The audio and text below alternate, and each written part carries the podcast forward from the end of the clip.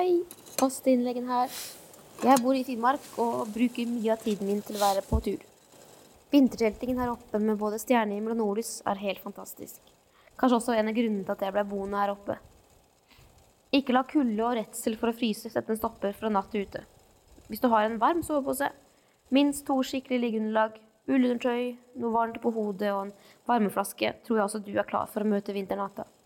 Du trenger absolutt ikke kjøpe ny vinterpose for å prøve dette. Du kan fint bruke to soveposer utenpå hverandre. Det er det jeg pleier ofte å gjøre. Soveposen Tana Sømmer fra Barents Outdoor er designet for å være stor nok til å brukes utenpå en annen sovepose, og gjør at tresangsposen plutselig tåler både vinterkulde og kan brukes hele året. Samtidig får du en robust og romslig sommerpose som passer godt til varme sommernetter. Les mer om produktene på barentsoutdoor.no.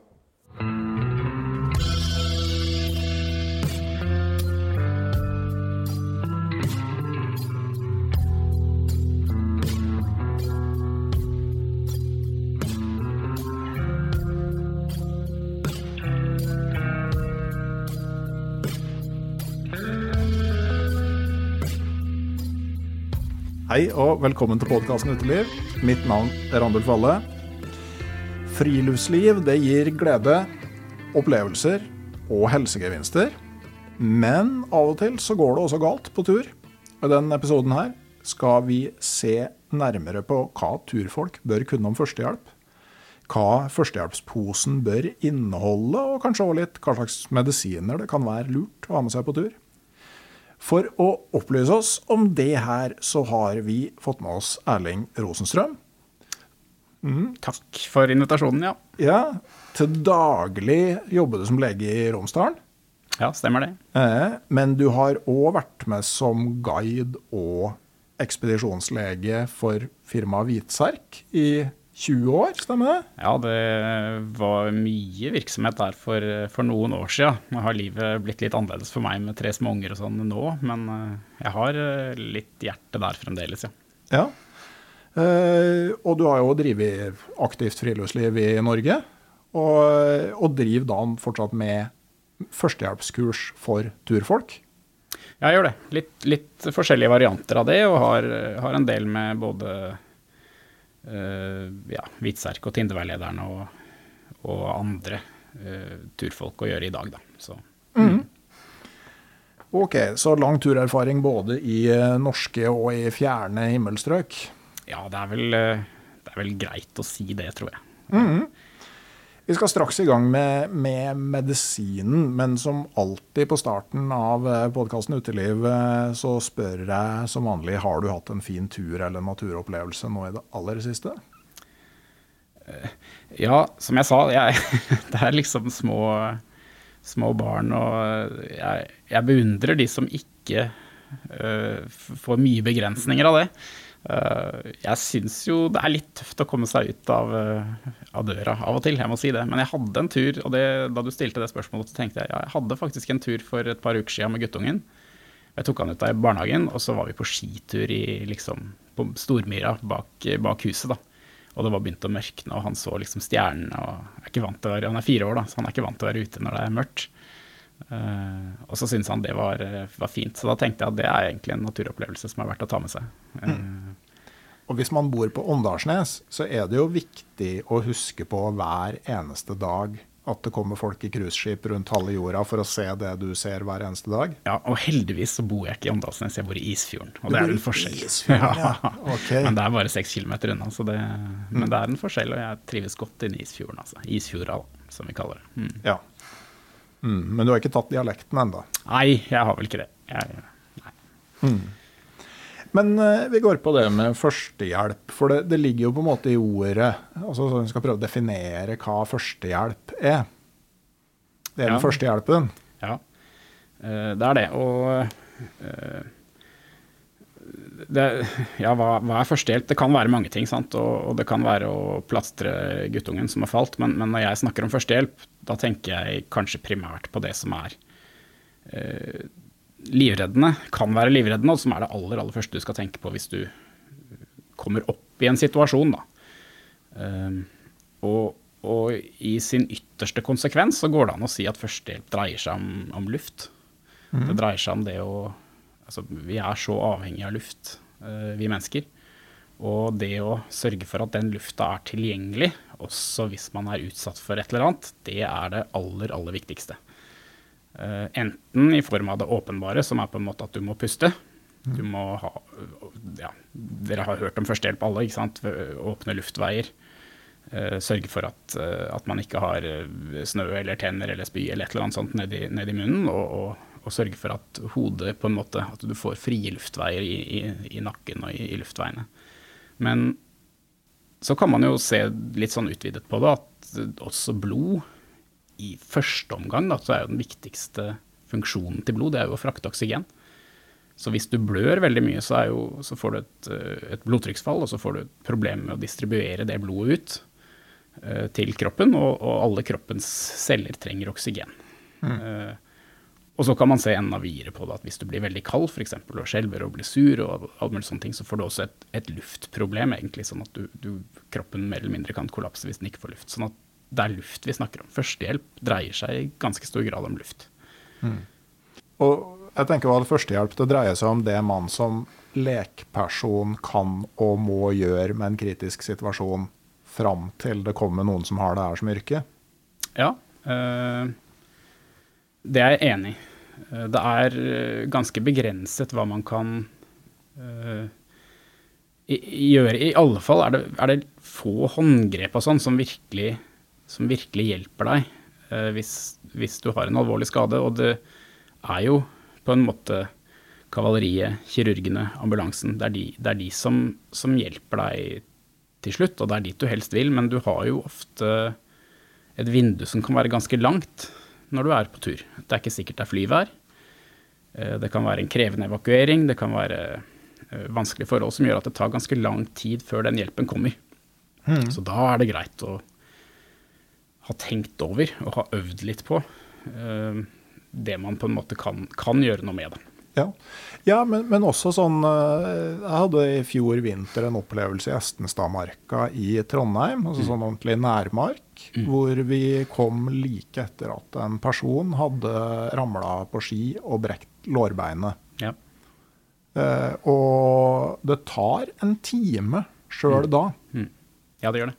Eh, og det kan være ganske lenge.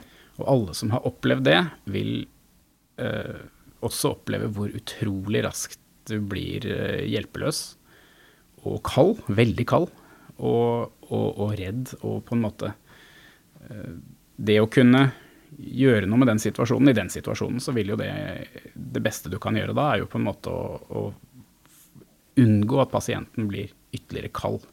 For det vil forverre prognosen for den, mm. den pasienten du snakker om. Hvis det er, hvis det er, der var det sikkert altså skiføre, da er det jo kaldt. Kanskje han lå rett på snøen. Mm. Uh, og det å bli kald i en sånn situasjon, det, det, det du selvfølgelig du, du, må jo sørge for at luftveiene er frie, og så må du sørge for at han har uh, At han ikke blør. Mm. At han ikke blør mye. Men etter det så må du bare sørge for at pasienten er varm. Og da kan du si at ja, så må han være smertelindret og alle de tingene, men det, men det er ikke viktig. Det er egentlig, det er jo førstehjelp det også, men det kommer lenger ned. Det er ikke farlig.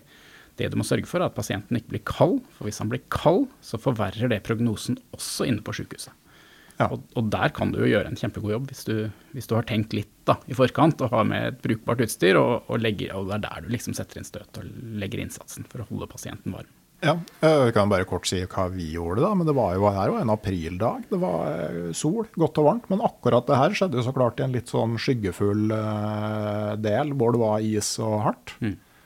Eh, så vi var tre-fire stykker der. Mm. Eh, så jeg hadde jo egentlig ingenting jeg kunne bruke. Nei. Eh, men det vrengte av meg jakka mm. og gikk det forteste jeg kunne på ski til, til Estenstadhytta. Ja. Som er en sånn serveringshytte, og fikk mm. med søppelsekker og tepper ja. derifra.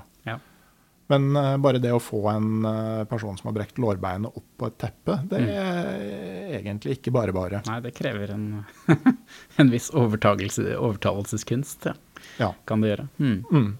Så, men, men, mer da, ikke sant. Hvis du kom over en, en, en sånn person da, som mm. har altså, for, for, det, jo, det kan vi for begynne med en sånn litt sånn akutt utlykke ulykke. Det var man kalte den i, i, eh, i det der eh, risikofaget som jeg hadde på NTNU, så var det en ulykke var en ukontrollert utløsning av energi. Ja, nettopp. Ja. Og gjerne høy energi kanskje også, hvis det er en alvorlig ulykke. i hvert fall. Ja, altså jo mer, jo mer energi, men ikke sant? Altså, her er det jo da bråstoppen mot mm. bakken. Ja. En klatrer som ramler ned, ikke sant. Mm. Treft av snøras. Mm. Det er energi som slippes løs på et eller annet vis, og som treffer noen. Mm. Men en typisk sånn fallulykke, enten det er i en klatresammenheng eller i en topptursammenheng, Mm. fjelltursammenheng Mm. Altså, hvordan går man fram når man eh, enten finner eller er med på en sånn ulykkessituasjon?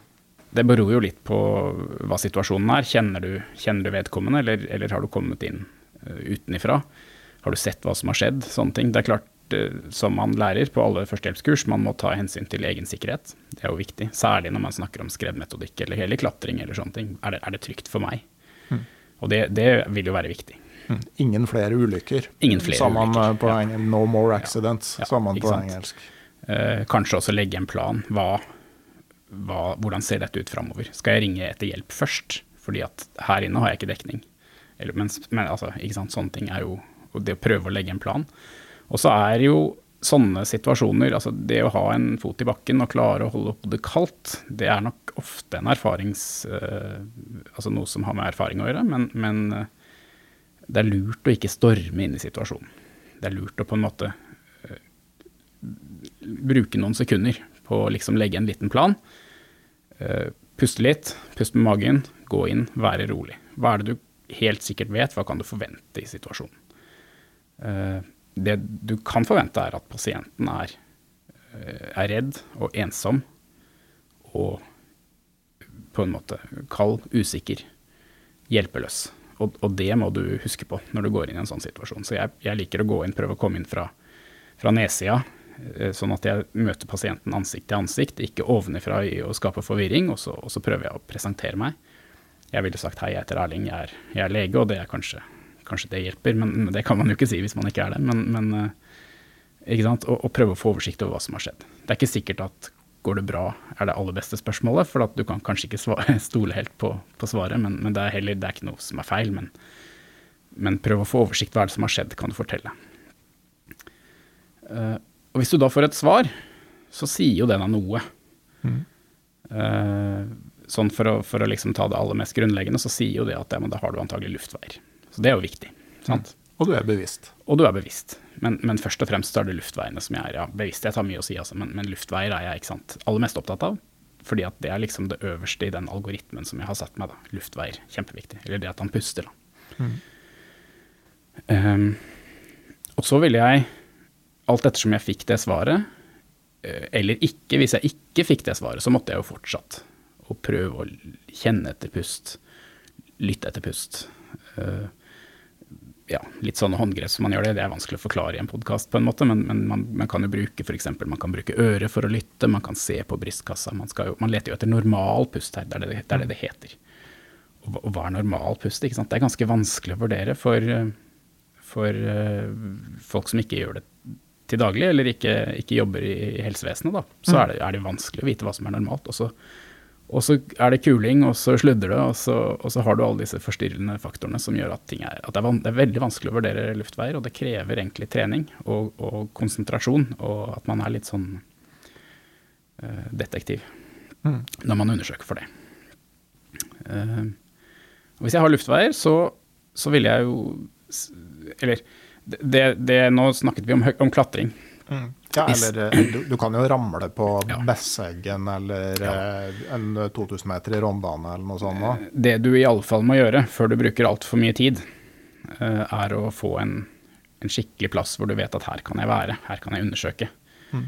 og hvis du henger i et tau, så er det ofte en ganske god eh, plan å, eh, å forsøke å på en måte fire ned, komme seg til et sted hvor det går an å være, om det er, om det er helt ned på bakken, eller om det er en hylle eller et eller annet sånt. Da. Det, det er viktig, du må ha et sted du kan jobbe, for hvis ikke så, så taper du veldig mye tid. Du kan, du kan jo sjekke om man puster, det kan du gjøre, men, men du kan ikke gjøre så veldig mye mer undersøkelser før du har et, et, et sted det er ok å jobbe. Det tror jeg det er nok en sånn litt sånn uh, akademisk øvelse som sikkert vi leger lider litt under. At vi uh, Jeg har vært med på en del sånne, sånne kurs, og vi prøver ofte å løse ting altså For å si det sånn, en, en brandmann, for en brannmann så er den jobben veldig enkel, og det er ofte den beste. ikke sant? Han, han går inn, rykker ut pasienten mm. og legger den på et trygt sted. Og, og, og kan begynne med jobben. Mens, mens vi er nok litt mer forsiktige, i hvert fall i min bransje, da, ikke sant? sånn uh, intuitivt. Så vil vi gå inn og gjøre disse medisinske tingene, men det er jo det å skaffe seg et godt arbeidsrom mm. i en sånn situasjon er veldig viktig. Og det vil få konsekvenser også utover, hvis du, hvis du greier å være effektiv, da. Eh, Så ville jeg sagt at jeg, jeg, jeg trenger å undersøke deg. Jeg, jeg må vite at ikke du blør noe sted. Fordi at hvis du blør, så er det, er det øh, veldig farlig for deg. Det er, det er jeg, nødt til, jeg er nødt til å få undersøke deg litt. Og det, det er klart, sånne ting, da er det noen ting å tenke på. Mange går på tur i Gore-Tex, og du kan blø, blø en god del innafor en Gore-Tex eller innafor en skistøvel eller sånne steder hvis ikke du hvis ikke du får det undersøkt. Og du kan bli kald, og du kan fortsette å blø. Så du, det du først og fremst er ute etter, er jo styrtblødninger. Altså det som kalles altså arterieblødninger, hvor du blør veldig mye veldig fort. Altså pulsåreblødninger. ja, man kaller vel ofte det, det er på en måte det du er mest redd for. Og, men, men, eh, men kanskje ikke så veldig vanlig i friluftslivet. ikke sant? Det forbinder man kanskje mer med ja, trafikkulykker eller for så vidt militær og sånt. Ganske mye av uh, feltførstehjelp er formet av sånne fag som er f.eks. Fra, ja, fra militært eller fra eh, prehospitale tjenester, Røde Kors, sånne ting som har, som har blitt litt formet. Men friluftslivet er ofte ikke så dramatisk da, som på en måte militære skader og den type ting, heldigvis. Nei, det, du har jo jegere, da. Ja, det har du. det har du. Så du ja, og du har, absolutt, du har absolutt et potensial for stor skade også i friluftslivet. ikke sant? Du kan, du kan være veldig uheldig når du, når du faller på, en, på ledklatring, for all del. Men det er kanskje ikke det vanligste allikevel. Uh, men, men, men det med altså, veldig dramatiske blødninger, men også det at en blødning kan bli uh, I og med at du, du blir kaldt, det tar tid, så kan en blødning som får pågå, den kan bli ganske betydelig. uh, også hvis den på en måte ikke, ikke håndteres og stanses. Så jeg ville bedt om, sagt at jeg er nødt til å undersøke deg, og, og gjort den undersøkelsen tidlig og, og grundig. Og da er det viktig å på en måte gjøre, gjøre jobben skikkelig. At man ikke bare tenker at nå skal jeg kjenne her og her og her, for det har jeg lært. Men du må være detektiv, og du må undersøke skikkelig. Så man går inn på innsiden av, av klærne og kjenner og går systematisk fram. Ser på hånda, ser at ikke, at ikke du finner noe blødning. Og da må du dekke hele kroppen. Du må ikke glemme noe. Nei. I hvert fall ikke ja, Du behøver ikke å gå ned i, ned i eh, skistøvelen nødvendigvis. Der vil du klare å stramme støvlene og stoppe en blødning. Så det, det er mange sånne problemstillinger å ta, ta hensyn til, men du må i hvert fall gå inn og få, få god oversikt. Kanskje også holde et øye med, med ansiktet, sånn at du ser Da kan du også få et inntrykk av om, om du har veldig vondt, f.eks. Så, det- så, så sier ofte det, det uttrykket deg noe, da, mens du undersøker hele kroppen. Og etter at det er gjort, når jeg har undersøkt for luftveier og undersøkt for blødning, som er eh, som kanskje vil ta meg noen få minutter. Hvis man har øvd en del på det, så tar det eh, to minutter på en måte å få en, få en god undersøkelse der. Og så vil det neste på lista være å pakke pasienten inn. Godt holde på varmen. Du vil antagelig, hvis det er en skade som er litt betydelig, så greier du ikke å skape så mye varme i en sånn situasjon. For det ville fordre at pasienten egentlig kunne røre seg og, og skape den varmen selv. Men du skal konservere den varmen du har igjen, sånn at pasienten ikke blir ytterligere kald. Og det er eh, veldig viktig. Det er viktig for utfallet. Det er, eh, ja, det er, det er medisinsk kjempeviktig. Og så er det også et rom der du har veldig god mulighet til å gjøre en god jobb.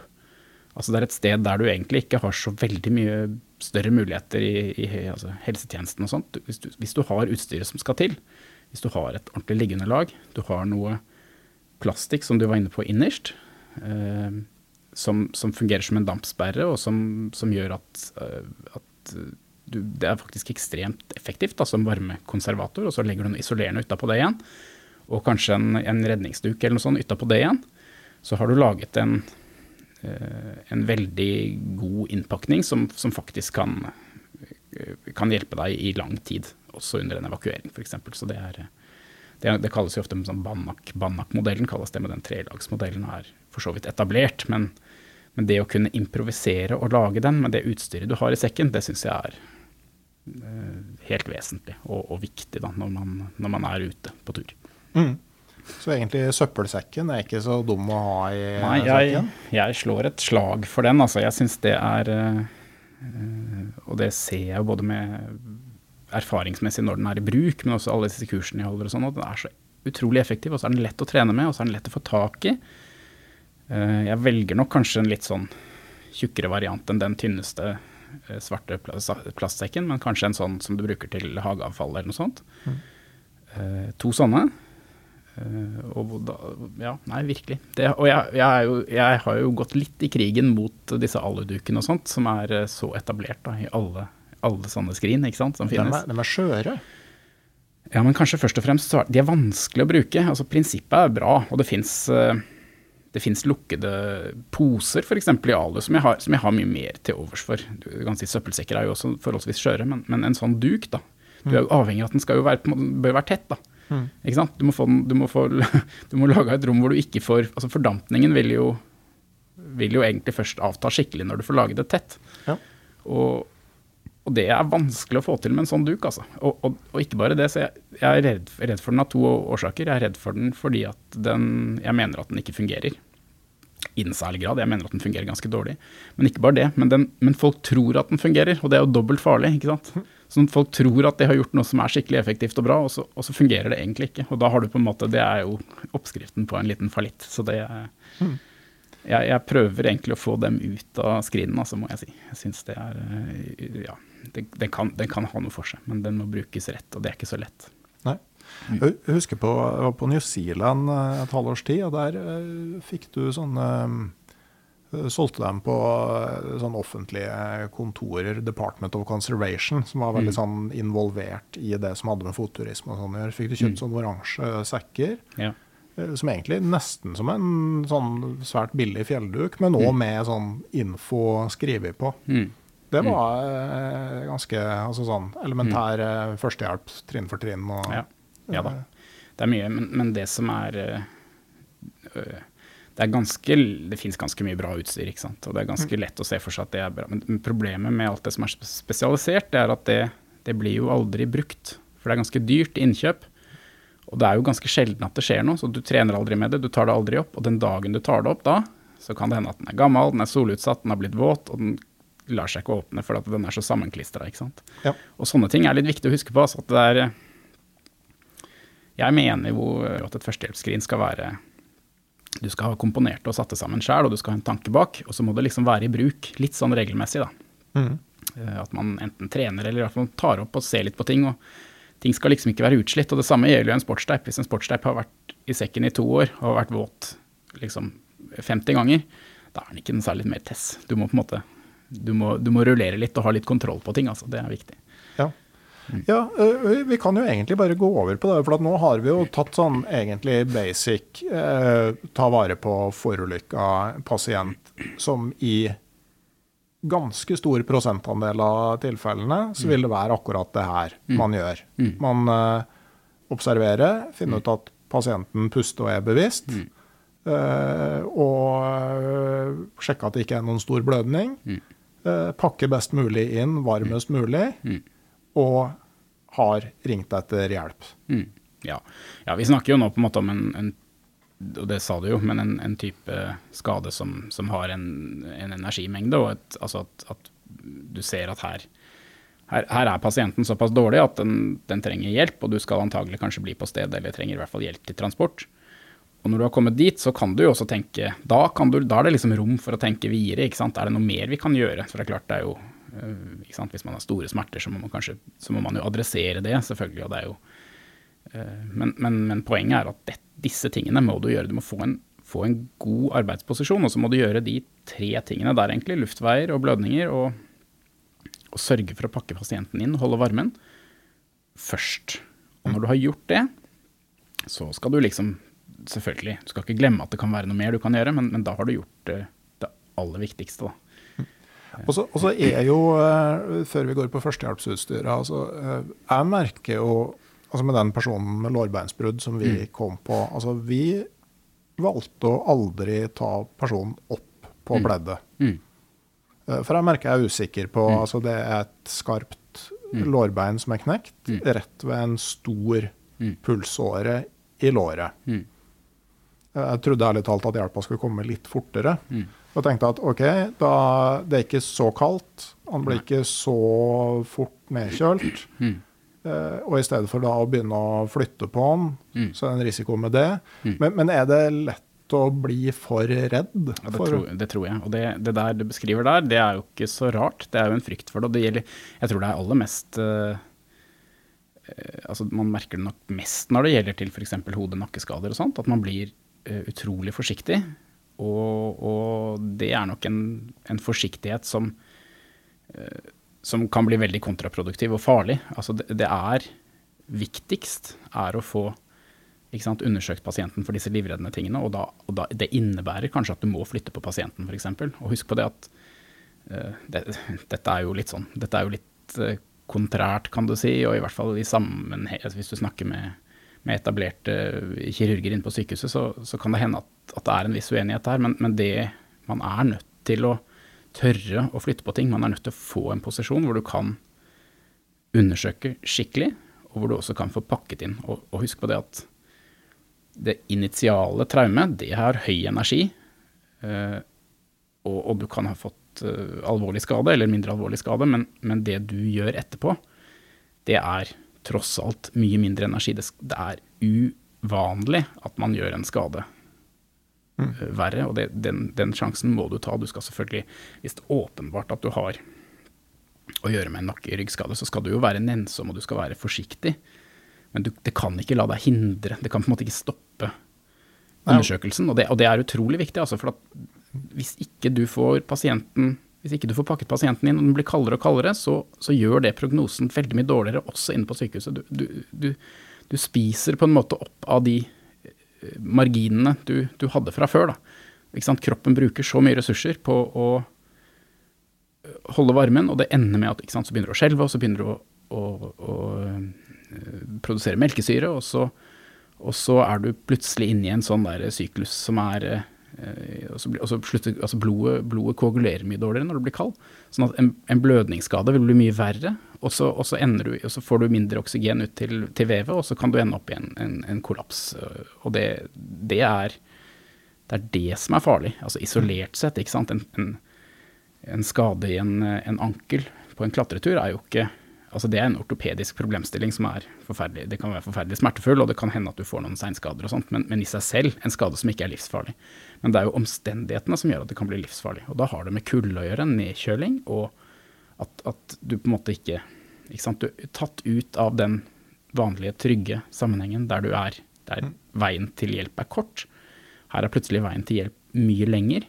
Og så får du en skade, og så blir du ute av stand til å holde varmen. Og så er det da som er så bidragsytende til at det kan bli en alvorlig skade. Ja, og, og sånn som for vår del, da, ikke sant, som velger da å ikke ta den pasienten opp på det pleddet, mm. det energitapet som den pasienten da har, mm. Det, som du sier, altså, den energien er borte.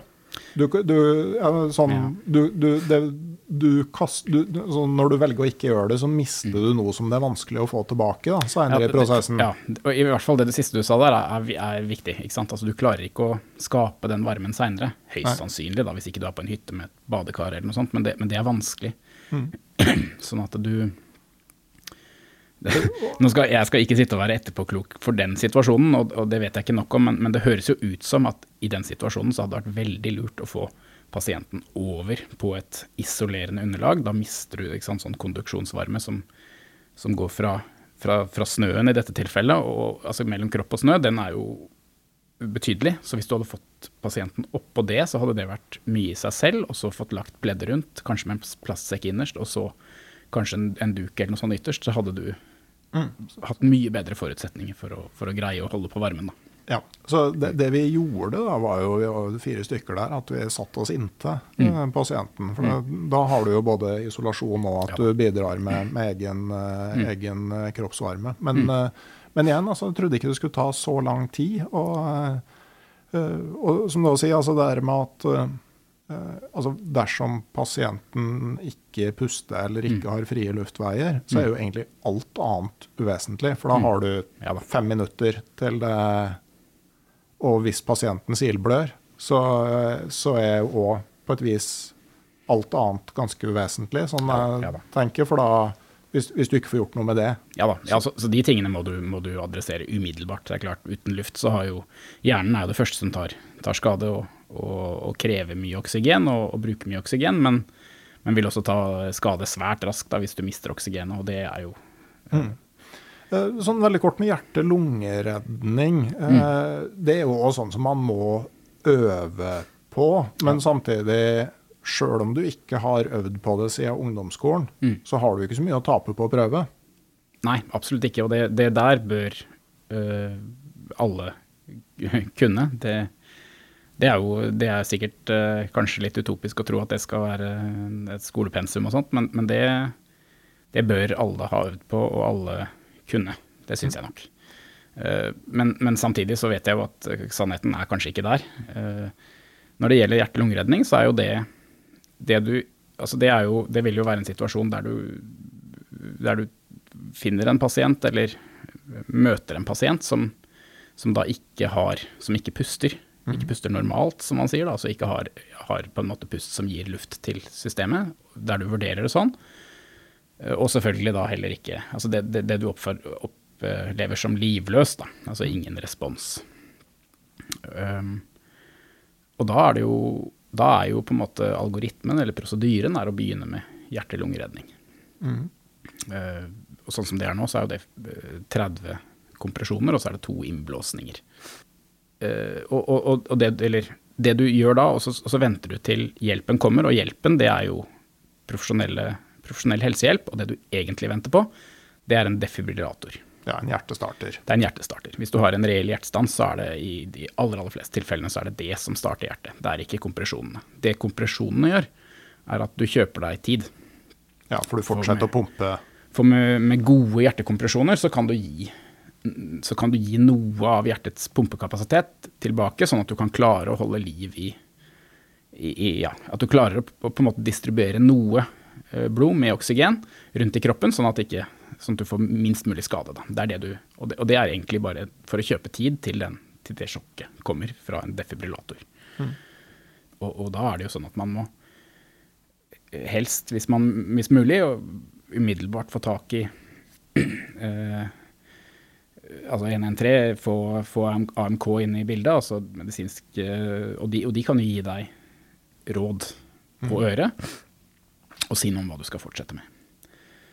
Um, så, så, så det der, er- Og så og så er det jo spesialregler hvis du har en kald pasient f.eks. Det tror jeg kanskje ikke vi skal komme inn på, men med noen skredtatte pasienter som har ligget lenge under snøen, så kan man jo f.eks. Uh, si at de har muligheter for å overleve, selv med hjerte-langredning i lang, lang tid, fordi de er blitt så kalde i forkant. Da er oksygenbehovet mindre. Men i noen sammenhenger så, så kan det hende at det er uforsvarlig når du har gjort, gitt hjerte-lungeredning en stund, hvis man ikke har ressursene selv, hvis du ser at her er været sånn, og du får ikke hjelp, og det er såpass lang, lang tid uh, til, til du kan få hjelp, så kan det hende at man må velge å avslutte den. Det blir jo ut fra no more accidents. Altså at du må ta vare på deg sjøl. Du må ta vare på deg selv hvis du ikke har, ikke sant? kanskje du ikke har dekning engang. Eh, Dette er jo veldig krevende og, og litt kontrært det også, men, men sånn må det være. Du må på en måte, du må jo ta innover deg, eller man må jo ta hensyn til de omstendighetene du står i. Uh, og ja, ja, man, man kan stå i situasjoner hvor du bare ser at dette går ikke. Vi har ikke ressurser, f.eks. Og det, eh, ja, en sånn situasjon har jeg selv vært i, og det, det er jo tøft, men, men det må du på en måte bare Da, da, da kan det hende at du må, må si at dette, dette gikk dessverre ikke, og man er nødt til å avslutte, f.eks. Eller ja. Mm.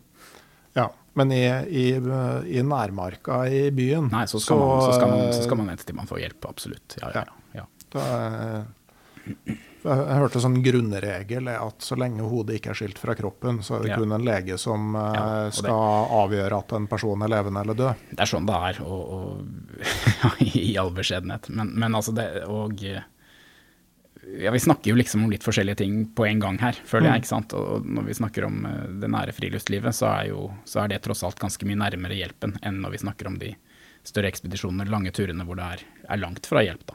Mm. Hvor, det, hvor det kan hende at ting bare må være litt grann annerledes. Ja. OK, men det var den eh, førstehjelpspakka. Mm. Eh, Hva tenker du for sånn standard norsk friluftsliv eh, ja, opp til ei uke eller to? Mm. Hva vil du ha? Jeg er opptatt av Jeg må jo si, jeg jeg holder jo en del kurs og sånt, og, og da pleier vi alltid å ha en diskusjon. Hva er det fornuftig, hva er det som passer å ha med for meg? For jeg mener at det skal man ha reflektert over selv. At ikke jeg skal liksom Jeg selger ikke en ferdig pakke, liksom. Det syns jeg ikke er hensiktsmessig. Man må se litt på hva som er Hva er det som er hensiktsmessig for meg å ha med. Og det må være en pakke som Jeg syns ikke at det skal være en pakke som egentlig det skal ikke være en ny førstehjelpspakke til hvert, hver tur. Det må være en grunnpakke som du har med deg uansett. Og den må være liten nok til at du gidder å ha den med. For du forventer jo ikke å ha, en, ha et behov for masse førstehjelpsutstyr, så da, da er det ikke aktuelt å ha med seg flere kilo med førstehjelpsutstyr på tur. Det, det kommer du aldri til å gidde å ha med deg, så det må være noe du har med deg hver gang. Og så når det er sagt, så kan du selvfølgelig, selvfølgelig hvis du skal være flere uker ute og sånn, så, så må du ta med deg litt annet utstyr, kanskje litt mer forbruksutstyr og kanskje litt medisiner og sånt da. Men jeg syns at det jeg, det jeg liker å ha med meg, i alle fall som et minimum Jeg vil ha med meg noe som jeg bruker som et innerste lag, altså en dampsperre, plastsekker snakker vi gjerne om, så det har jeg med meg. To sekker. Eh, Jeg har med meg sportsteip, og det er delvis for å kunne tette igjen det. Og delvis fordi at det har så bredt bruksområde. Jeg er veldig opptatt av sånn multipurpose da, på godt nynorsk. Mm. Det at du kan bruke ting til flere ting.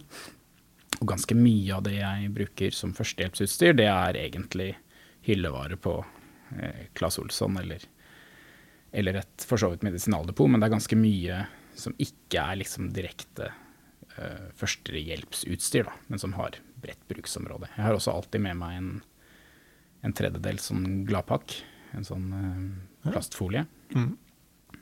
Også fordi at det kan brukes til så utrolig mye ting. Det kan brukes til å pakke inn som en dampsperre, f.eks. pakke inn hodet under lua. Veldig effektivt. Eh, Det kan brukes som forbinding, det kan brukes hvis du ønsker tilgang på et sår når du skal se ned der f.eks., eller, eller du bare ønsker noe som er litt elastisk, så kan du krølle det sammen. Så en, en gladpakke vil jeg alltid ha med meg. Uh, Jeg har med meg en, eh, ja, en klessaks, har jeg med meg. Det er en liten, lett sak som er skarp, og som gjør at jeg kan, hvis jeg ønsker å behandle et sår, eller ikke et sår egentlig, men en skade, uh, innafor klærne, så kan jeg klippe meg ut det området jeg ønsker å bruke tid på. Uh, og så slipper jeg å på en måte eksponere mer uh, hud, eller mer Altså kle av mer enn jeg må, nettopp for å unngå varmetap, da. Eh, nå er det ganske mye bra Gore-Tex-utstyr med masse lommer, så ofte så trenger du kanskje ikke å klippe så mye, men, men den er nå med fremdeles.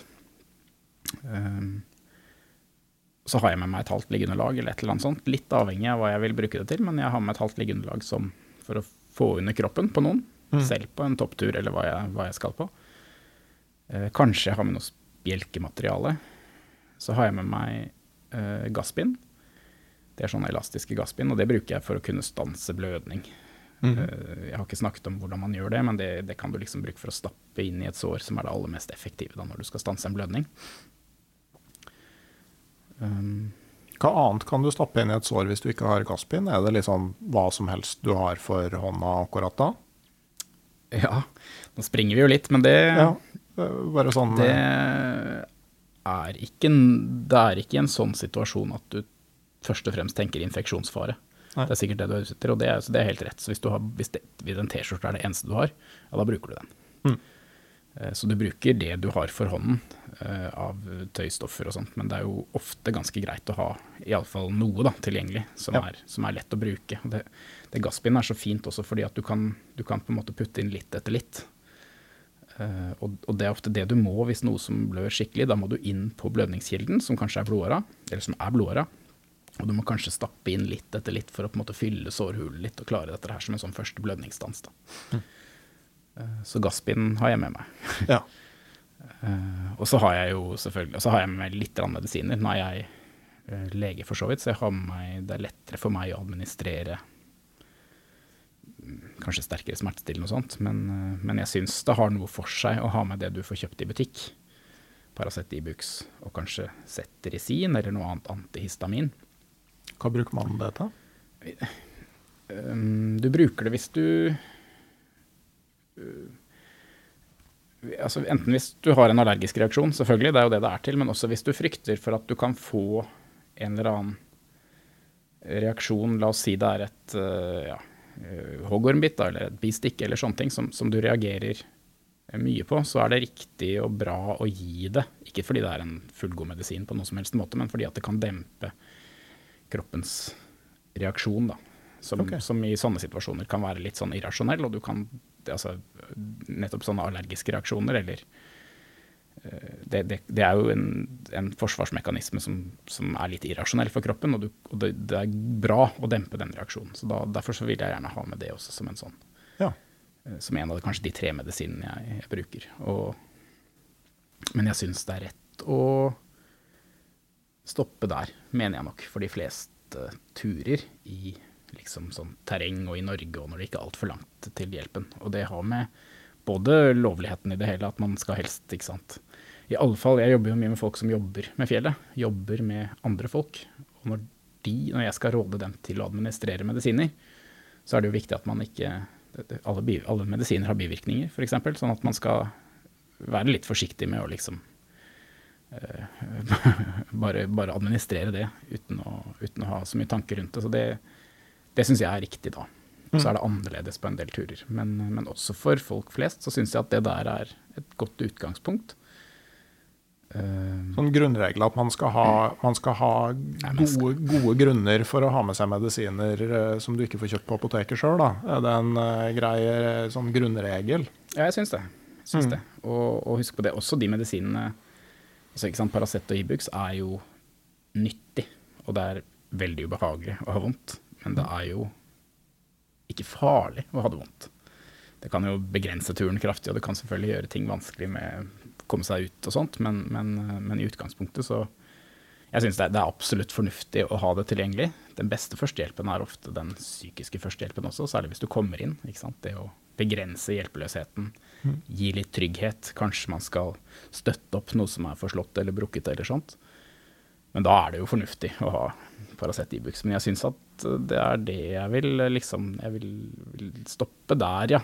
Eh, I hvert fall sånn som jeg tenker. Men jeg er jo alltid i dialog med folk som jobber særlig, og, og kan gjerne diskutere. Ikke sant? Det kommer alltid noen som spør ja, men hva med paralginforte, mm. ikke sant, for eksempel.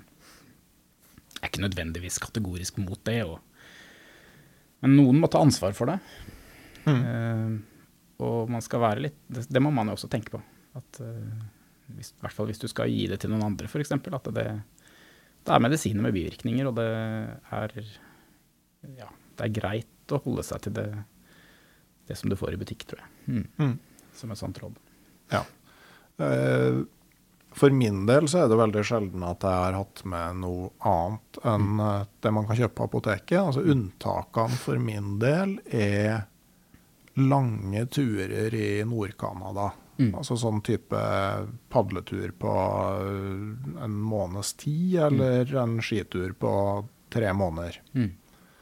Uh, og da er det jo først og fremst Da har vi jo vært i kontakt med helsepersonell. Mm.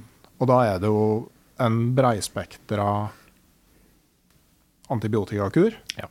Også uh, sterkere smertestillende, altså mm. Paralgin forte, for mm. å rett og slett kunne holde seg smertefri en stund mens man ja. venter på hjelp. Ja, og da er det jo en helt annen situasjon. Og i den situasjonen så vil det jo kanskje altså bare Det snur jo på en måte alt, og du, du vil jo være uansvarlig hvis du dro inn på en sånn tur uten å ha med en del medikamenter, f.eks. antibiotika, da, som jo vil mm.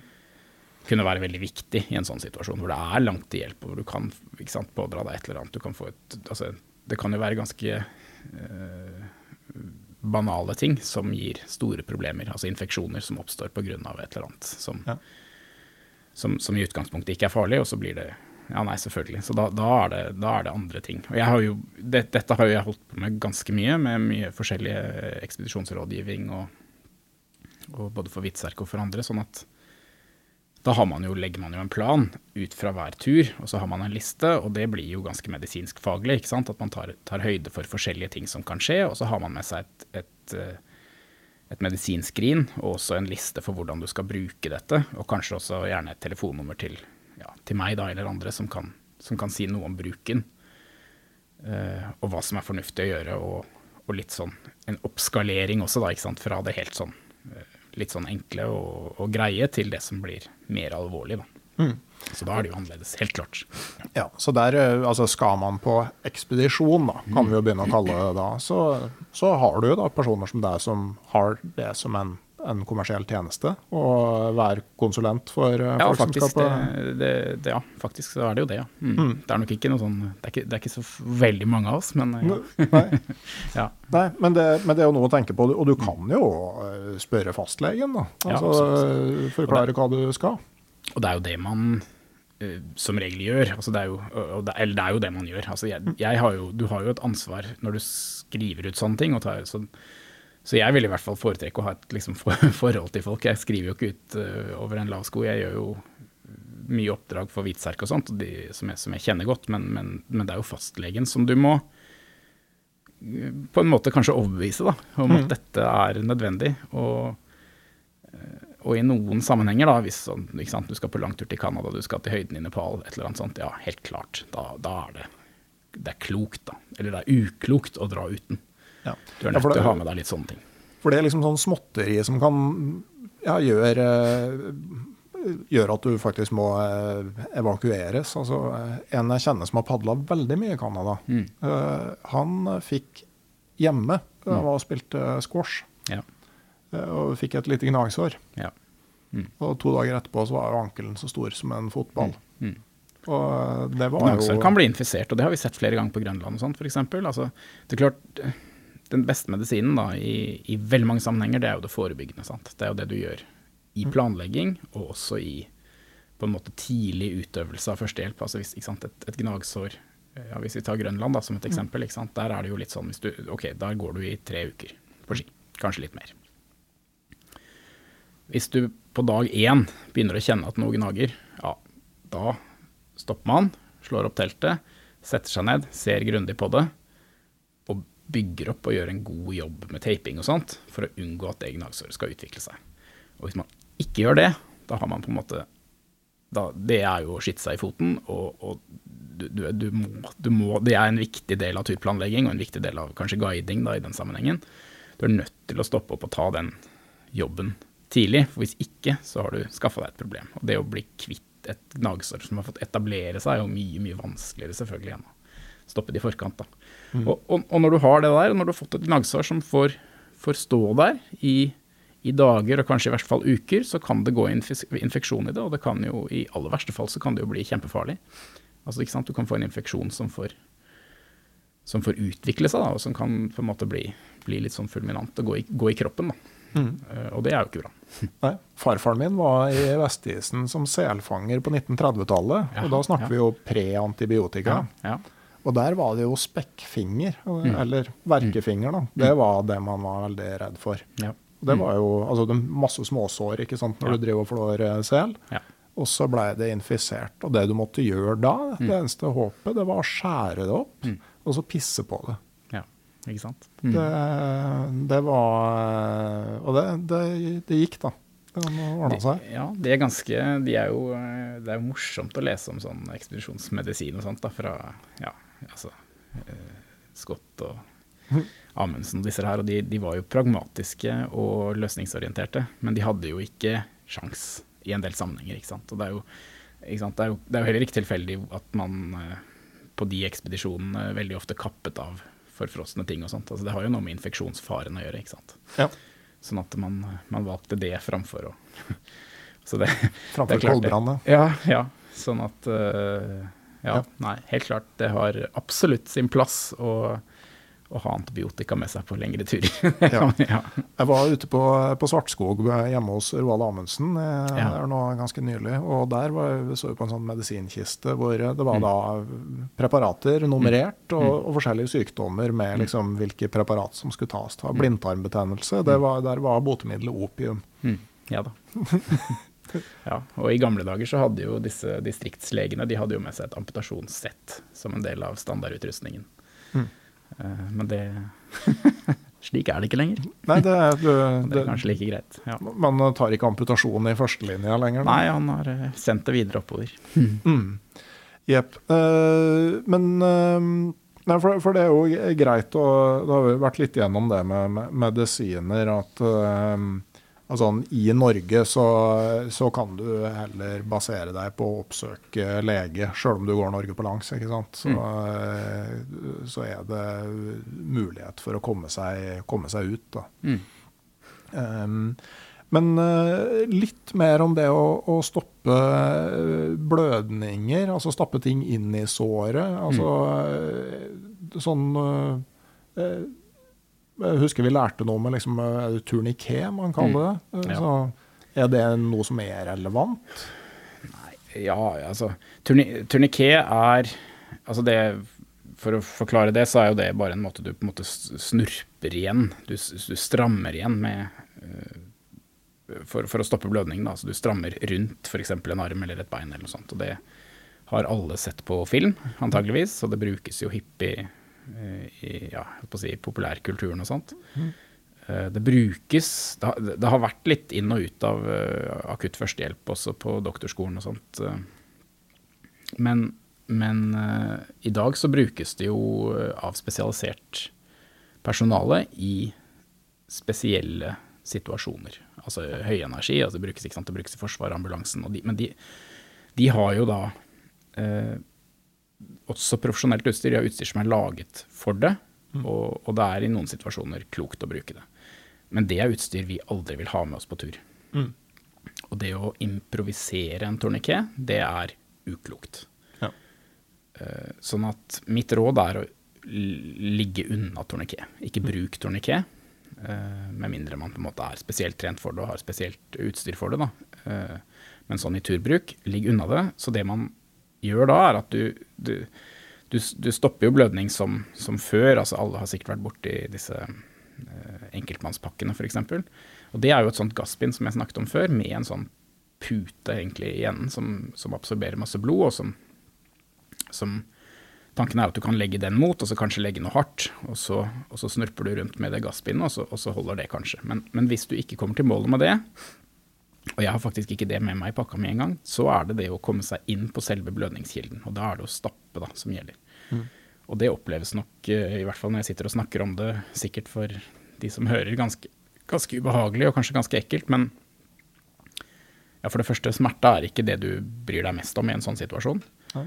En annen ting er at det ofte ikke gjør så fryktelig vondt med blødende større kutt og sånt. Det er ikke liksom, Ofte så har du litt nerver og sånt som er kutta av. sånn at eh, det må du jo Du må jo jobbe i en allianse med pasienten. Da. Du må forklare hva du gjør og si at hør her, dette er vi nødt til å gjøre. ikke sant? Og så, og så er det å stappe inn, få lagt trykk på, på kilden. Og så har jo blodet den fantastiske egenskapen at den, det koagulerer. sånn at eh, ved å få lagt mottrykk, det kan også hende at det bare er fingeren din hvis du har muligheten til å sitte der, så får du laget en sånn, et sånt lite koa, et koagel som gjør at, at blødningen kan stoppe bare ved det i løpet av ja, 10-15 minutter. Eh, Men det å, å stappe, og så pakke det inn med kanskje et eh, elastisk gasspinne eller noe sånt etterpå, og, og, og ha det som utgangspunkt, det er, et, det, er, det, er, det er en god måte å stanse blødninger på. Ok. Uh kutt og sånne ting. Altså, liksom, for man bruker jo øks og man bruker Mm. kniv og sånne ting i felt. Eh, hva fikser man sjøl? Når oppsøker man, eller når avbryter man og oppsøke helsetjenestene? Nei, det er eh, Det kan jeg ikke gi noe sånn veldig konkret svar på, men, men i utgangspunktet så er det jo Det, det kommer jo an på hva, hva er begrensningen, hvor, hva er det du har kuttet, ikke sant. Hvor viktig Altså eh, er det, er det et sted som blir irritert hele tiden hvis du går, f.eks., så vil det ha noe å si, men i utgangspunktet så er det ikke Du må rense såret. Du må få ut det som er av, av guff og grums. Og Det, da er det vann som gjelder, egentlig, det du har tilgjengelig. Flushe det skikkelig, finne en måte du kan få skape trykk på vannet. Kanskje med en camelback, eller kanskje med en flaske du kan lage et hull i, eller en Jeg har ofte med meg en sånn seksliters eller en sånn brødpose som jeg fyller med vann, og så lager jeg et lite hull, og så trykker jeg ut, sånn at du får en ordentlig sånn stråle. Så rent mekaniske Rent trykket fra mekanisk, vannet? og så kan du pirke litt ut og sånn, få ut det som er, og så har du noe sprit eller noe tilgjengelig, så er det supert, men det er liksom det siste. Og så er det jo da å, å, å unngå infeksjon, da, som er. Og hvis du har unngått infeksjon, og, du har, øh, så, og såret begynner å gro, så er det ikke noen grunn til at du skal øh, Altså, det, det kommer jo helt an på, selvfølgelig, men, men, men det er ikke nødvendigvis farlig i seg selv, da. Nei. Det kan jo ha noe med arrdannelse og sånn og sånn å gjøre, selvfølgelig. At det kan hende at det blir styggere, og at du burde sydd og sånne ting. Eh, men, men ting gror ofte. Jeg, jeg, altså, en sportsteip er jo, er jo veldig bra for å lukke sår. Ja, så får du jo sånn sårstrips. Jo, det gjør du. Det er mer kosmetisk okay. viktig enn eh, altså en sportsteip. Det det, det er sjelden at en sportsteip ikke kan gjøre jobben til en strips. Eller en stripp, da. Men, men, men det er jo, de er jo laget for å bedre på en måte kunne lukke såret pent, da, eksempel. Ja. Ikke være, og det er litt sånn, ikke sant. Klart, hvis du har en sånn sportsteip i panna, så er det litt kosmetisk skjemmende en stund. Og det, men det, men det, det holder jo bedre. Sånn at for turbruk så har jeg vært litt sånn pragmatisk og bare sagt at ja, men uh, bruk det som funker. Ikke sant? Og det, da er sportsteip veldig god. Men, men uh, Hvor lang tur skal du være på før det er aktuelt å lære seg å sy? Um, Nei, hva skal man svare på det? Jeg har, jeg har holdt eh, mange kurs. Jeg har ikke sutur og sånn inne i kursene nå. Jeg har hatt det før. Eh, Det har noe for seg. Grunnen til at jeg er litt sånn skeptisk, det er at du, hvis du ikke har renset et sår og lukker det, så øker du på en måte faren for at du skal få en infeksjon der. Så det er jo sånt man er veldig opptatt av i helsevesenet f.eks. Ting skal være veldig rent før du lukker det og syr det. På den annen side så har jo det å sy noe har noe for seg, fordi at det er en fin måte å kunne stanse en blødning eller unngå at det begynner å blø igjen. Og det kan være en veldig fin måte å lukke ting som f.eks. er i bevegelse, da, som er vanskelig å få til å gro. La oss si at du har fått et kutt over kneet, ikke sant. Som er vanskelig å tape opp og vanskelig å få til å gro. Sånn at så lenge man er litt sånn bevisst på det, og kanskje har prata med noen i forkant, eller kanskje prata med meg, da, jeg vet ikke, så, så, så er det jo ikke noe altså Det å sy er jo ikke spesielt farlig. I de aller fleste tilfeller så er det jo det er ganske enkelt, sant. Det er jo et enkelt håndverk. Mm. Uh, og det kan hende at det bare er litt Det kan være en midlertidig løsning også, til du liksom kommer deg til, til hjelp. Ja.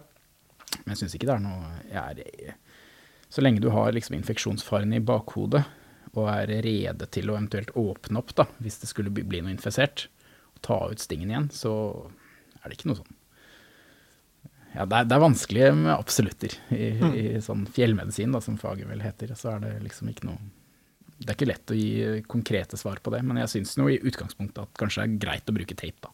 Mm. For folk flest. Ja. Ja. Uh, annen ting ikke sant, med, med tur er jo at du, du er jo i kontakt med varme på en annen måte. Altså, du har bål, du har primus, du har varmt vann som, eh, store mengder varmt vann som balanserer på toppen av primuser. Ja. Forbrenning. ja, eller brannskader. Ja. Brannskader, ja. Ja, ja. Ehm, ja det, det, er jo, det er jo eh, potensielt svært alvorlig. Og hvis du får det i, i nærheten av luftveien eller eh, på steder som er utsatt, så er det, er det, er det veldig alvorlig. Så det, det er farlig altså, å få f.eks. en gryte med kokende vann over seg. Mhm. Eh, Men, men rådet er jo å kjøle ned så fort som mulig. Og da bruker du det du har. Hvis det er snø du har, så bruker du snø. Men ideelt sett kanskje liksom litt, litt mer lunk på vann og sånt, men du har jo ikke lunka vann tilgjengelig når du er på tur. ikke sant? Så du bruker det du har, og så unngår du jo i neste omgang da, å få, få frostskader og sånt. Det er jo viktig. ikke sant? Ja. Både frostskader og generell nedkjøling. ja, Men, det eh, er også, det er også absolutt. Det er jo, er også veldig viktig. Men, men, men, men hvis du får mye over deg, så er det jo altså, Kom deg ut i bekken liksom og få Mm. lutt i snøen. Få det nedkjølt. Uh, og da er det liksom ja, i hvert fall 15-20 minutter som er liksom regelen. At du skal, ha, du skal ha god tid, altså. Det skal gå litt mer enn at du bare føler at det ble kaldt. Ja. Og, det må være, og den der er tid ganske viktig. Det er liksom om å gjøre å være veldig, veldig resolutt og komme seg få få ordna med det, da. Um, så, og det er første behandlingen. Og etter det så er det jo egentlig å, å på en måte unngå altså Infeksjonsfare og sånn er en ting. Du må, må, binde det opp. Da kan du bruke sånn gladpakk, da, som jeg snakket om i sted. Det er en veldig god innbinding av brannskader, som, som, ofte forbrenner veldig mye. Altså de har Eller altså ikke for, men fordamper veldig mye. Du har veldig stor du, du har et stort væsketap fra brannsår. Og du har så betydelig at hvis du er ordentlig brannskadet, så får jo en Inne på sykehuset så får jo disse pasientene masse, masse væske. Titalls liter med intravenøs væske fordi at de har Eh, ja, altså brannskader gir, gir en voldsomt behov for det. Men, men det, er ikke, det, er ikke, det vi snakker om her. Men, men, eh, men det, å, det å passe på det, se at det ikke går infeksjon i det, binde det, binde det opp, er, er, liksom neste, neste, trinn i behandlingen. Hvis du har noe sånn der anti Det fins jo noen sånne spesielle kremer og sånt, men det har du kanskje ikke med deg. Mens hvis jeg f.eks. har utstyrt en en ekspedisjon, så har du kanskje med deg kremer som, som er antiinflamatoriske, og som hjelper. Som du kan ta under såret, og så dekker du det til. Og så må du, så må du ha sårskift i, et sårskift i døgnet da, for, for, å holde dette her rent og sørge for å unngå infeksjon. Det, er liksom. Det blir en del ekstrastyr på en ja, grønlandstur? Ja, det blir det. Og, det. og det er så mange sånne ting som man Hvis du får en brannskade på en grønlandstur, jeg sa ikke det, men det kommer, no, noen brannskader er direkte evakueringsgrunn. Det er jo, nå skal ikke vi gå så langt inn i dette, tror jeg, men, men hvis du får fingerskader, sirkulære skader som det heter, sånn som går rundt, rundt en arm f.eks., mm.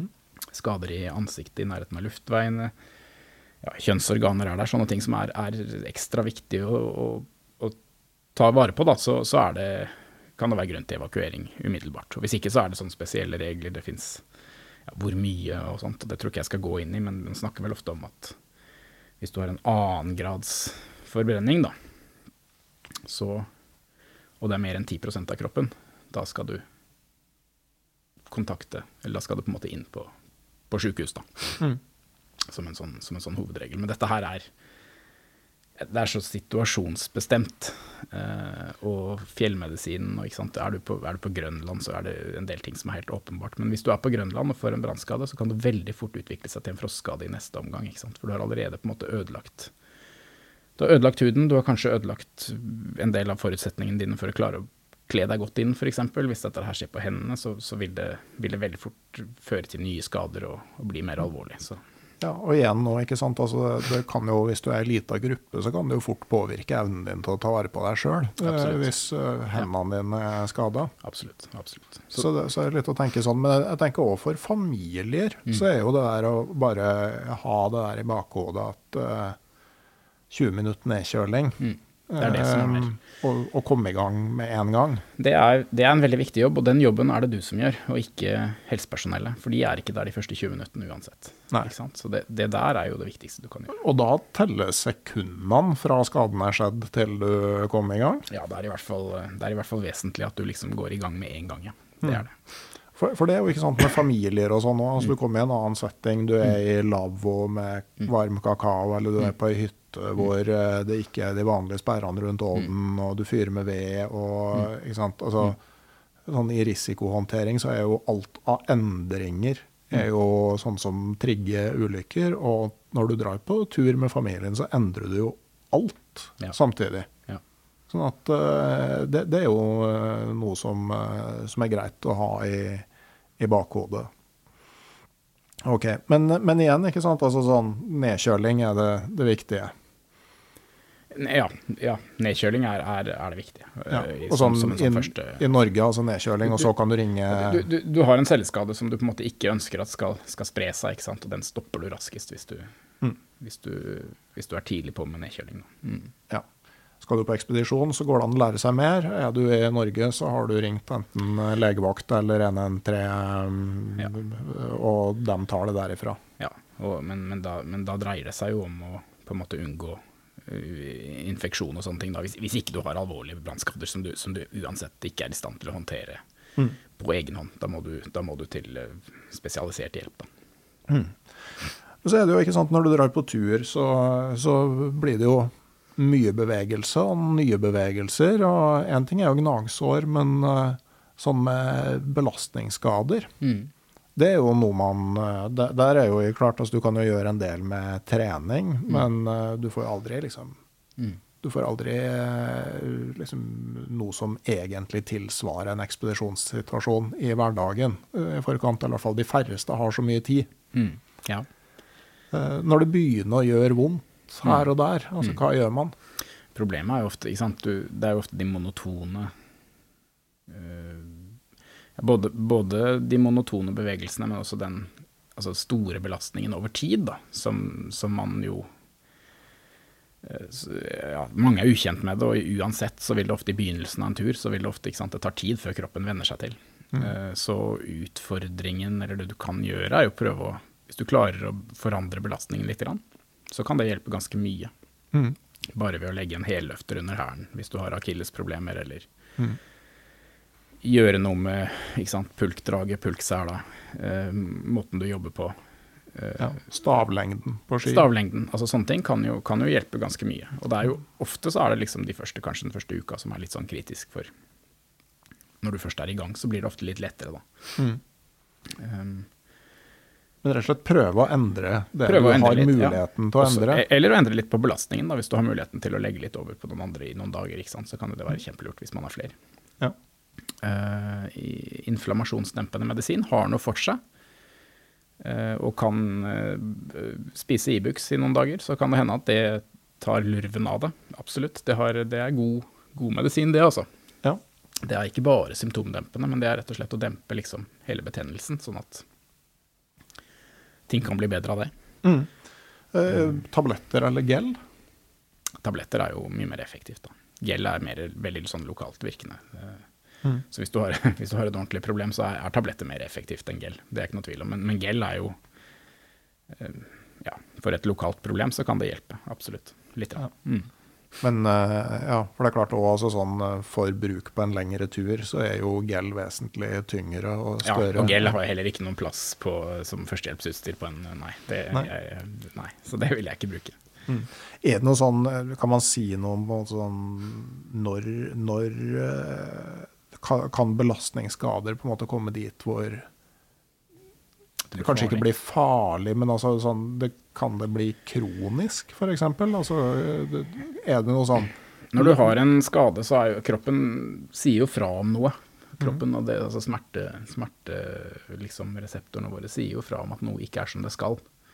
Sånn at du kan jo pushe ting for langt og gjøre ting verre. Det kan du. Men, men, men hva, når er grensen? Hva er grensen? Det er, det er litt vanskelig å svare på. Da. Men det er klart, hvis du har en, du har en, eh, en sliten rygg som du pusher altfor hardt altfor lenge, så kan jo ting bli, bli verre av det. Det, det, det av og til så er det jo riktig å på en måte si at nei, nå må vi ut av dette. Helt, altså helt, helt opplagt. Men det er vanskelig å gi noe sånn veldig konkret svar på når, når det er. Ofte så kjenner man vel kanskje til det fra før, da, at det er, ikke sant. mm. Og så spørs det jo hva på en måte, det du er ute på, er verdt for deg òg.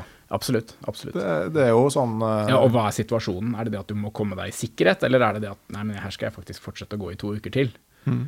Um, Ja. jeg er jo Og det tror jeg alle som liksom har drevet med ekspedisjoner og sånn, man er jo en tilhenger av å prøve å fullføre. Det, ikke sant? det er jo Jeg er jo ikke noen tilhenger av uh, Og det er kanskje litt sånn som det er blitt, da, men det at man liksom velger å trekke i snora uh, tidlig. Mm. Eller bare, bare det er et eller annet, så trekker man i snora. Og det er jo en, det er jo en mulighet man plutselig har fått, ikke sant, pga. bedre kommunikasjonsmidler og bedre tilgang og kanskje mer kommersielle transporter ut og sånt. Så jeg syns jo at man skal både planlegge og kanskje tåle litt uh, isteden. Det syns jeg nok. Men, men det er klart, man skal ikke la det gå på helsa løs. Nei. Det syns jeg er et litt sånn viktig poeng. Da. Mm. Mm. Det samme med sjukdom. Altså Mm. det, du er gått ut fra vinterjakt eh, med influensa i kroppen, Mm. og det, det er jo ikke noe veldig behagelig. Men, men når eh, Hva slags symptomer og sånn er noe der man skal være på vakt for at liksom Ja, da tenker du på infeksjonssykdom, altså sånn Ja. eller sånne ting. Ja, jeg tror man skal lytte til kroppen. mm. uh, og så er det vanskelig, igjen, vanskelig å gi noe konkret råd på såpass eh, store sykdomsgrupper. Man skal jo eh, man blir, ved å, ved å bryte ned kroppen, så gir du det også dårligere forutsetninger for å bli, eh, bli frisk. Ikke sant? Hvis du, hvis du er veldig utmattet, sovet veldig lite, eh, veldig kald, sånne ting, så, så er jo det et veldig dårlig utgangspunkt. Så det må du jo forsøke å unngå. Da kan jo sykdom bli verre og farlig. Hvis du på en måte, så, og man må jo kanskje gi seg selv tid og marginer. da, Muligheten til å legge seg ned, muligheten til å slappe av, er jo, er jo et litt sånn viktig premiss. Eh, Ikke pushe seg altfor hardt. Eh, Kroppen gir mange signaler, og man må jo lytte til den. Mm. Eh, Men når det er sagt, så er det jo også mye som er Altså som, som på en måte går over, og som går greit, og som er ubehagelig. Mm. Så man skal vel ikke være altfor redd for det heller. Eh, Men, men når du snakker om annen sykdom, det jeg i alle fall tenker at det er Det er jo en del folk som har eh, mer kroniske sykdommer, f.eks. Ikke sant? Altså, som kan ha, du kan ha en diabetes eller en astma, astma eller et eller annet sånt noe. Og det er jo der gir jeg en del råd til de jeg har med meg altså når jeg holder kurs for guider, da, for eksempel. Ikke sant? Bruk eh, deres kunnskaper og også deres ressurser og medisiner og sånt, at de ofte har med seg. De er ofte verdensmestere på egne sykdom, men, og, men, men da er det greit å ha et utgangspunkt, forstå litt av grunnsykdommen, snakke om det på forhånd, eh, øke marginene der. Eh, og, og på en måte hvis, og, og forstå litt av hva, hva er det som liksom Hvis jeg har en eh, diabetiker på tur, da. Hva er det jeg må huske på for den pasient, eller den personen? Jo, du må i hvert fall ta litt lengre pauser, ikke sant. For at hvis han eller hun skal måle blodsukker på hver pause, så blir det ikke tid til å spise, for de andre begynner å gå etter, Mm. etter fem minutter. Det går ikke. Så man må huske på det at ja, men da må vi legge inn litt ekstra, sånn at han rekker både å eh, sjekke blodsukkeret sitt og spise litt. Og, og kanskje det til og med er eh, ekstra utmattende, sånn at han egentlig ikke har like god kontroll på, på blodsukkeret sitt som han, som han vanligvis ville ha. da, ikke sant? At han, nei, nå, nå var det kaldt, og det var litt ekstra slitsomt og litt sånn uregelmessig mat og sånt, så nå, nå skjer det ting som man kanskje ikke har helt kontroll på. Så, så den type ting er det er jo eh, egentlig litt sånn viktig kunnskap, og viktig å ta den det er som en Først og fremst kanskje som en del av det som vi ofte kaller færaråd i friluftslivet. ikke sant? At man har en god, god samtale, legger til rette for at vi vet mest mulig om de marginene som vi har på denne turen. Altså, dette er helt greit for en, en veltrent, erfaren person, men, men kanskje marginene, forutsetningene, er litt annerledes nå, siden vi har den og den og den. Det og det, det utgangspunktet, eller det og det, den og den problemstillingen. Mm. Eh, Så, så det, i tillegg til sånn akuttsykdom som du snakker om, er jo, er jo kjempeviktig. Å, å, å kartlegge det og få et forhold til det, og ja, bruke de ressursene som finnes. Da. Mm. Uh, og så har du jo, ikke sant, egentlig nesten like stor sannsynlighet for at du skal få en sånn turskade, hvis du snakker på mer alvorlige ting.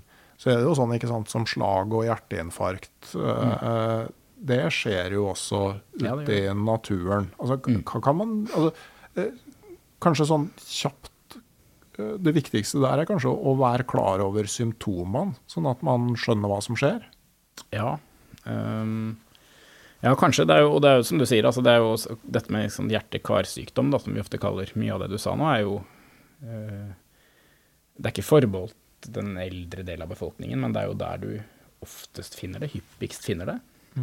Og de er mer aktive enn før. Um, så ja. Øh, øh, altså hjerneslaget har jo Du kan si hjerneslag er jo åpenbart en svært alvorlig sykdom. Ikke så mye du får gjort med som turdeltaker, da, men det, det du får da, er jo det klassiske er jo ikke sant, halvsidig lammelse og eh, problemer med talen, kanskje problemer med forståelsen. Noe med at du ikke klarer å smile òg? Jo ja. Du, ja. eh, Du har vel eh, Hvordan er det disse reglene? Men du skal, ikke sant eh, Fast-symptomer snakket vi i hvert fall om på doktorskolen. Det, det går på halvsidig lammelse, at du liksom henger litt med munnviken, og så går det på at du ikke greier å løfte armen, og så går det på tale, og så går det på eh, altså forståelse av språk, og, og det at du kan snakke. Mm. Ehm, som er det klassiske, ikke sant, halvsidig lammelse, klassisk. Eh, Men det kan, også være, det kan også se helt annerledes ut, og det som er spesielt med hjerneslag er jo at det, ettersom hva som blir rammet, siden, siden hjernen er såpass spesialisert og har en del sånn, den har jo en geografi, ikke sant, så hva som blir rammet, det vil jo også si noe om hva som blir utfallet, hvordan det ser ut. Mm. Uh, og, ja, hva skal man gjøre? Altså, I dette tilfellet her, så er det jo Der er det Du har jo dårlig tid da, til hjelp, egentlig. Der er det sånne tidsvinduer, ikke sant. Og det skal ikke jeg gå så mye inn i, men der kan man jo, hvis man kommer så og så fort, og det vi snakker jo ofte 120 minutter og sånt, så, så kan du gjøre medisinske inngrep, eller gi medisiner, som, som kan bedre prognosen.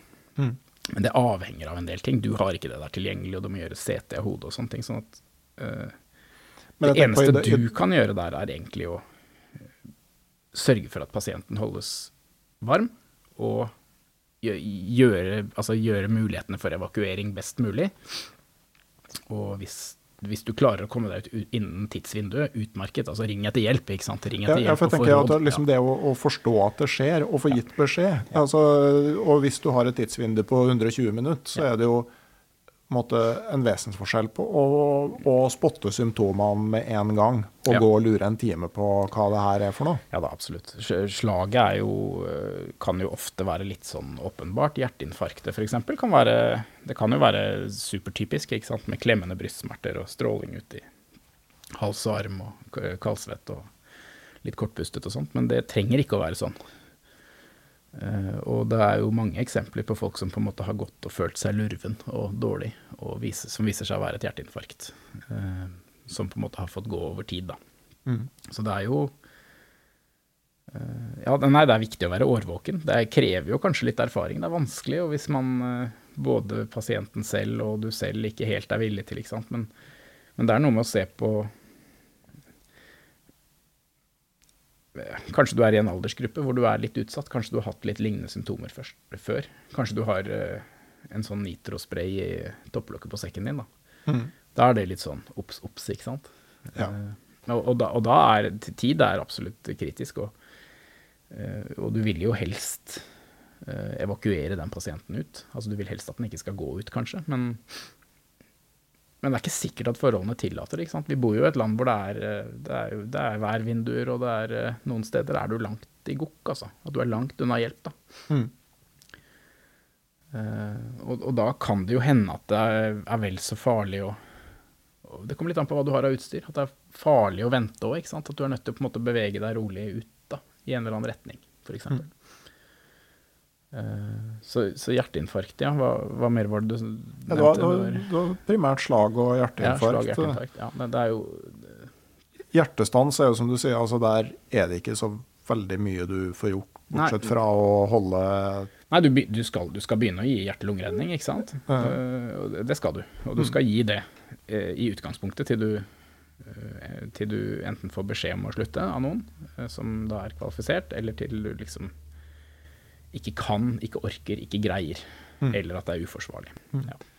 blindtarmbetennelse er det som, en del som nevner. Altså, ja. Hvordan merker man symptomer på det? Nei, du, ja, nei, det fins jo sånne jeg tror, ikke, jeg tror ikke vi skal gå inn i det, men det, det er jo ikke sant, akutte buksmerter. Ja. er ikke så Det fins sånne klassiske tegn på, på blindtarm, men, men i utgangspunktet så er jo eh, Det er jo en kirurgisk uh, akuttsituasjon som du egentlig ikke får gjort så veldig mye med. Altså, du, du får ikke Men der blir det igjen, ikke sant. Altså, det gjør jo de fleste som jeg har eh, vært borti som har hatt blindtarmbetennelse, så gjør jo det forferdelig vondt. Mm. Ja da, det og, og. Mm. og når noen gjør så vondt, så er det kanskje en eh, god grunn til å, Ja da, ja da, altså. Har du kommunikasjonsmulighet Ja da. Ja da. ut? Ja da, og det, det farlige er jo selvfølgelig altså? Det kan være altså, du, kan få, du kan få at deler av tarmen dør, på en måte, som er, som er eh, farlig. Da, og, og du kan jo få infeksjon i det, som er, som er, som er, som er veldig farlig. Men, men, men det kan jo også kanskje vanligere at, hende at du er obstipert. da, F.eks. at du har, ikke har hatt avføring på tre dager, og det har du liksom ikke tenkt noe særlig over, og så får du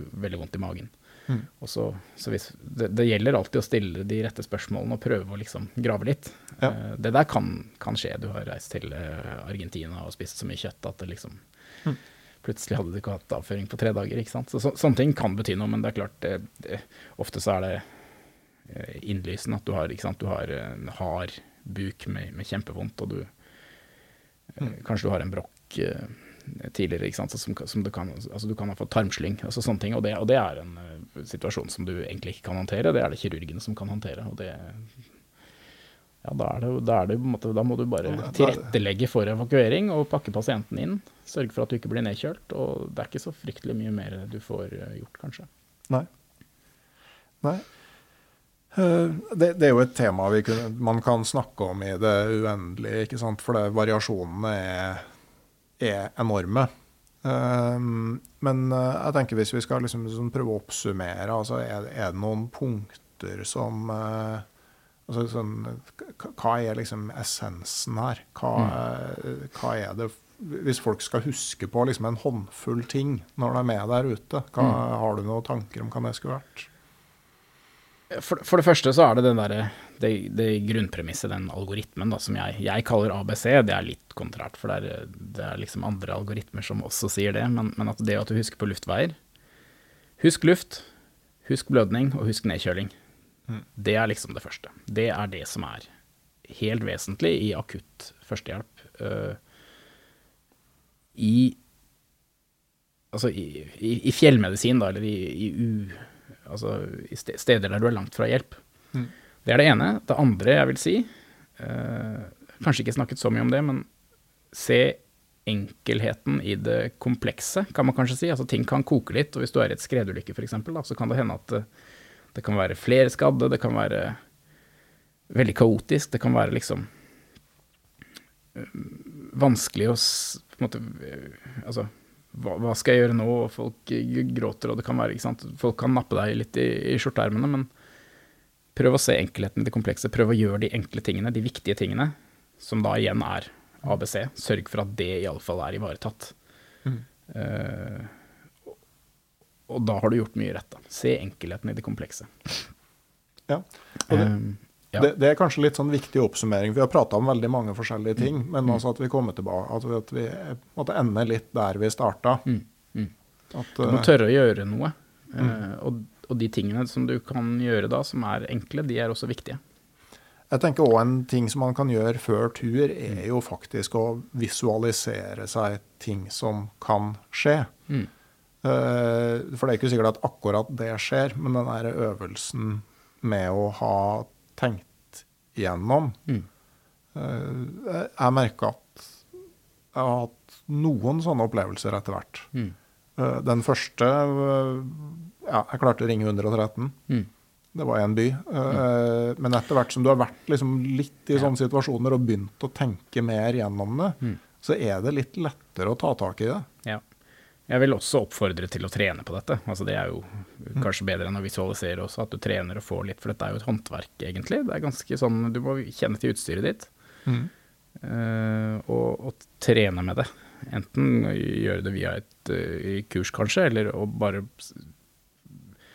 overvinne den terskelen da, som det egentlig er å, å forholde seg til, til sykdom og skade, og, og trene på det som, som du trener med skredsøkeren din, eller eller på ski på svingen, liksom. Det Mm. er en viktig del av faget.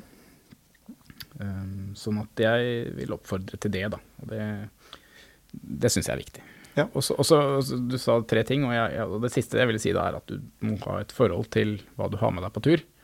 Pakk et førstehjelpsskrin som du kjenner, og som du stoler på, og som du veit hva du skal bruke tingene, og som har multipurpose, da, flere bruksområder. Um, og ha det med deg på alle turene dine. Ikke bare den turen hvor du forventer å få en skade, for da vil du aldri ha den med deg. Nei. Nei, og det gjelder jo på en måte også de For å vende tilbake til der du starta, da. Også omtrent når du er ute på tur på myra bak huset sammen med fireåringen. Mm. Eller bare skal ut og fyre bål Mm. en ettermiddag. Ja. Ja, så, ja, det kan jo bli litt sånn Det er klart man har jo ikke alltid med seg, men, men, men iallfall når du vet at du er litt sånn i, litt eksponert, da, så, så ha, ha et, en førstehjelpspakke som du bruker. Mm. Eh, som du ikke forventer at du skal ta opp hver gang, men den bør ligge der. Og du bør vite hva som er der, og hvilke muligheter du har. Mm. Jepp. Eh, jeg syns det her har vært en eh, veldig eh, interessant prat. Tusen takk for at du eh, stilte opp, eh, Erling Rosenstrøm. Ja, takk for det. Takk Ja. for at jeg fikk komme. Ja, og det er jo da Du arrangerer jo kurs. Eh, der går det an å få trening. Mm. Lokale Røde Kors. Der eh, det det er jo en del som eh, på en måte legger friluftslivet sitt inn i hjelpekorpset, og Mm. at det er der man er ute på tur. Men den, eh, de har jo sånn helgekurs, som er et av de første stegene på, på kursstigen, som, eh, hvor man liksom får prøve hjerte-lungeredning og, og har noen enkle øvelser som, eh, som jo òg er veldig nyttig da, hvis man skal være en del ute på tur. Mm. Mm. Men sånn eh, helt til slutt, da, Erling. Hvis, nå sitter vi faktisk på et hotellrom i, i, i Trondheim. Eh, og det hender jo man gjør av og til. Uh, men en eh, februar Nei, vi er jo kommet til mars, faktisk. En marskveld. Mm. Hvis du liksom skulle valgt deg et annet sted å være enn på her. her, ja. Helt fritt. Ingen mm. praktiske hensyn. Hvor ville du vært da? Nei, hva skal jeg si. Eh, hvis verden var sånn som jeg ønsket at den var, så skulle jeg jo ha en idyllisk familiestund i Romsdalsfjella, selvfølgelig, der jeg bor. Eh, Nå er det ikke alltid at det er like idyllisk eh, ennå, vi må jobbe litt der, altså. Eh, og et sted jeg, jeg savner jo eh, Jeg savner å reise, må jeg si. Det, det er mange grunner til at man gjør mindre av det nå, da. Og jeg savner Nepal, så jeg tror jeg faktisk vil svare. Jeg har vært, der har jeg vært mange ganger, og jeg, det er noe der som jeg Der skulle jeg vært. Der har jeg lyst til å ta med meg familien og bo et år, kanskje. En gang i framtida. For det er noe både med naturen og folket som er så Ja, nei, det savner jeg. Det Ja. Ikke mer å si om det, kanskje, men jeg, jo, nei, der, det savner jeg. Det er så fint. Så Ja. der, der kunne jeg godt vært. Mm. Jeg synes det, det er Når man kan ønske seg hvor som helst i verden, så er det da faktisk bedre å ønske seg til Nepal enn til Romsdalen, hvor man faktisk bor, spør du meg. Ja da, ja da. Men eh, Jepp. Tusen takk igjen. Jeg skal helt til slutt uh, si at uh, som vanlig så sender jeg en takk til min kommersielle samarbeidspartner Barents Outdoor. Jeg takker også dere eh, som støtter podkasten Uteliv gjennom frivillig abonnement og medlemskap i det digitale turlaget på Patrion. Når den episoden her legges ut, så er det bare ei uke igjen til Camp Villmark. Messa som foregår på Nova Spektrum på Lillestrøm fra 24. til 26. mars. Dem som har valgt medlemsnivået Ekspedisjonsmaker på Patrion, har fått tilbud om gratis helgepass til messa. Og jeg fortsetter å dele ut de her gratis helgepassa til nye ekspedisjonsmakere helt fram til kvelden torsdag 23. mars. Som medlem i turlaget så får du også fordeler som ekstra episoder, f.eks. live-episoden som ble tatt opp på Ingstadfestivalen tidligere i vinter. Eh, De på de høyeste nivåene kan også se episoden på video. Du får også tilgang til en stadig økende mengde artikler på randulfalle.no. Det var reklamen for denne gangen her. Kanskje vi treffes på Camp Villmark om ei uke. Du finner programmet for livepodkastene som jeg skal ha på utelivsscenen, på podkastens kanaler i sosiale medier. Jeg finnes både på Facebook og Instagram, hvis du har lyst til å få oppdateringer der. Skal du ikke på messa, så kommer det uansett en ny episode neste fredag. Og inntil da så sier jeg rett og slett ha det bra.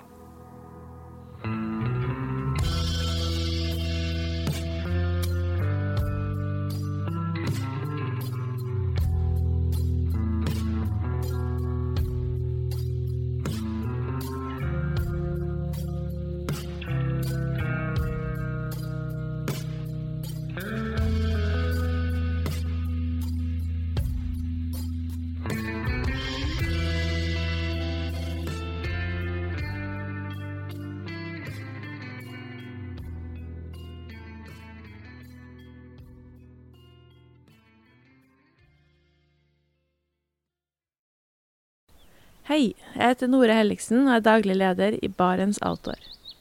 Det beste vi kan gjøre for planeten, er å redusere forbruket vårt og få mer ut av det utstyret vi allerede har. Men vi vet av erfaring at bruken av telt kan endre seg over tid.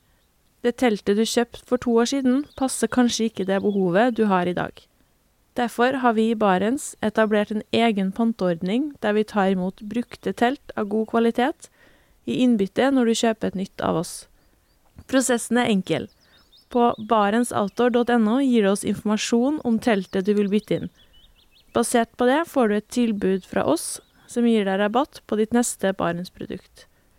Mer info og betingelser finner du på barentsoutdoor.no. Og husk at den første reparasjonen på produkter fra Barents er alltid gratis.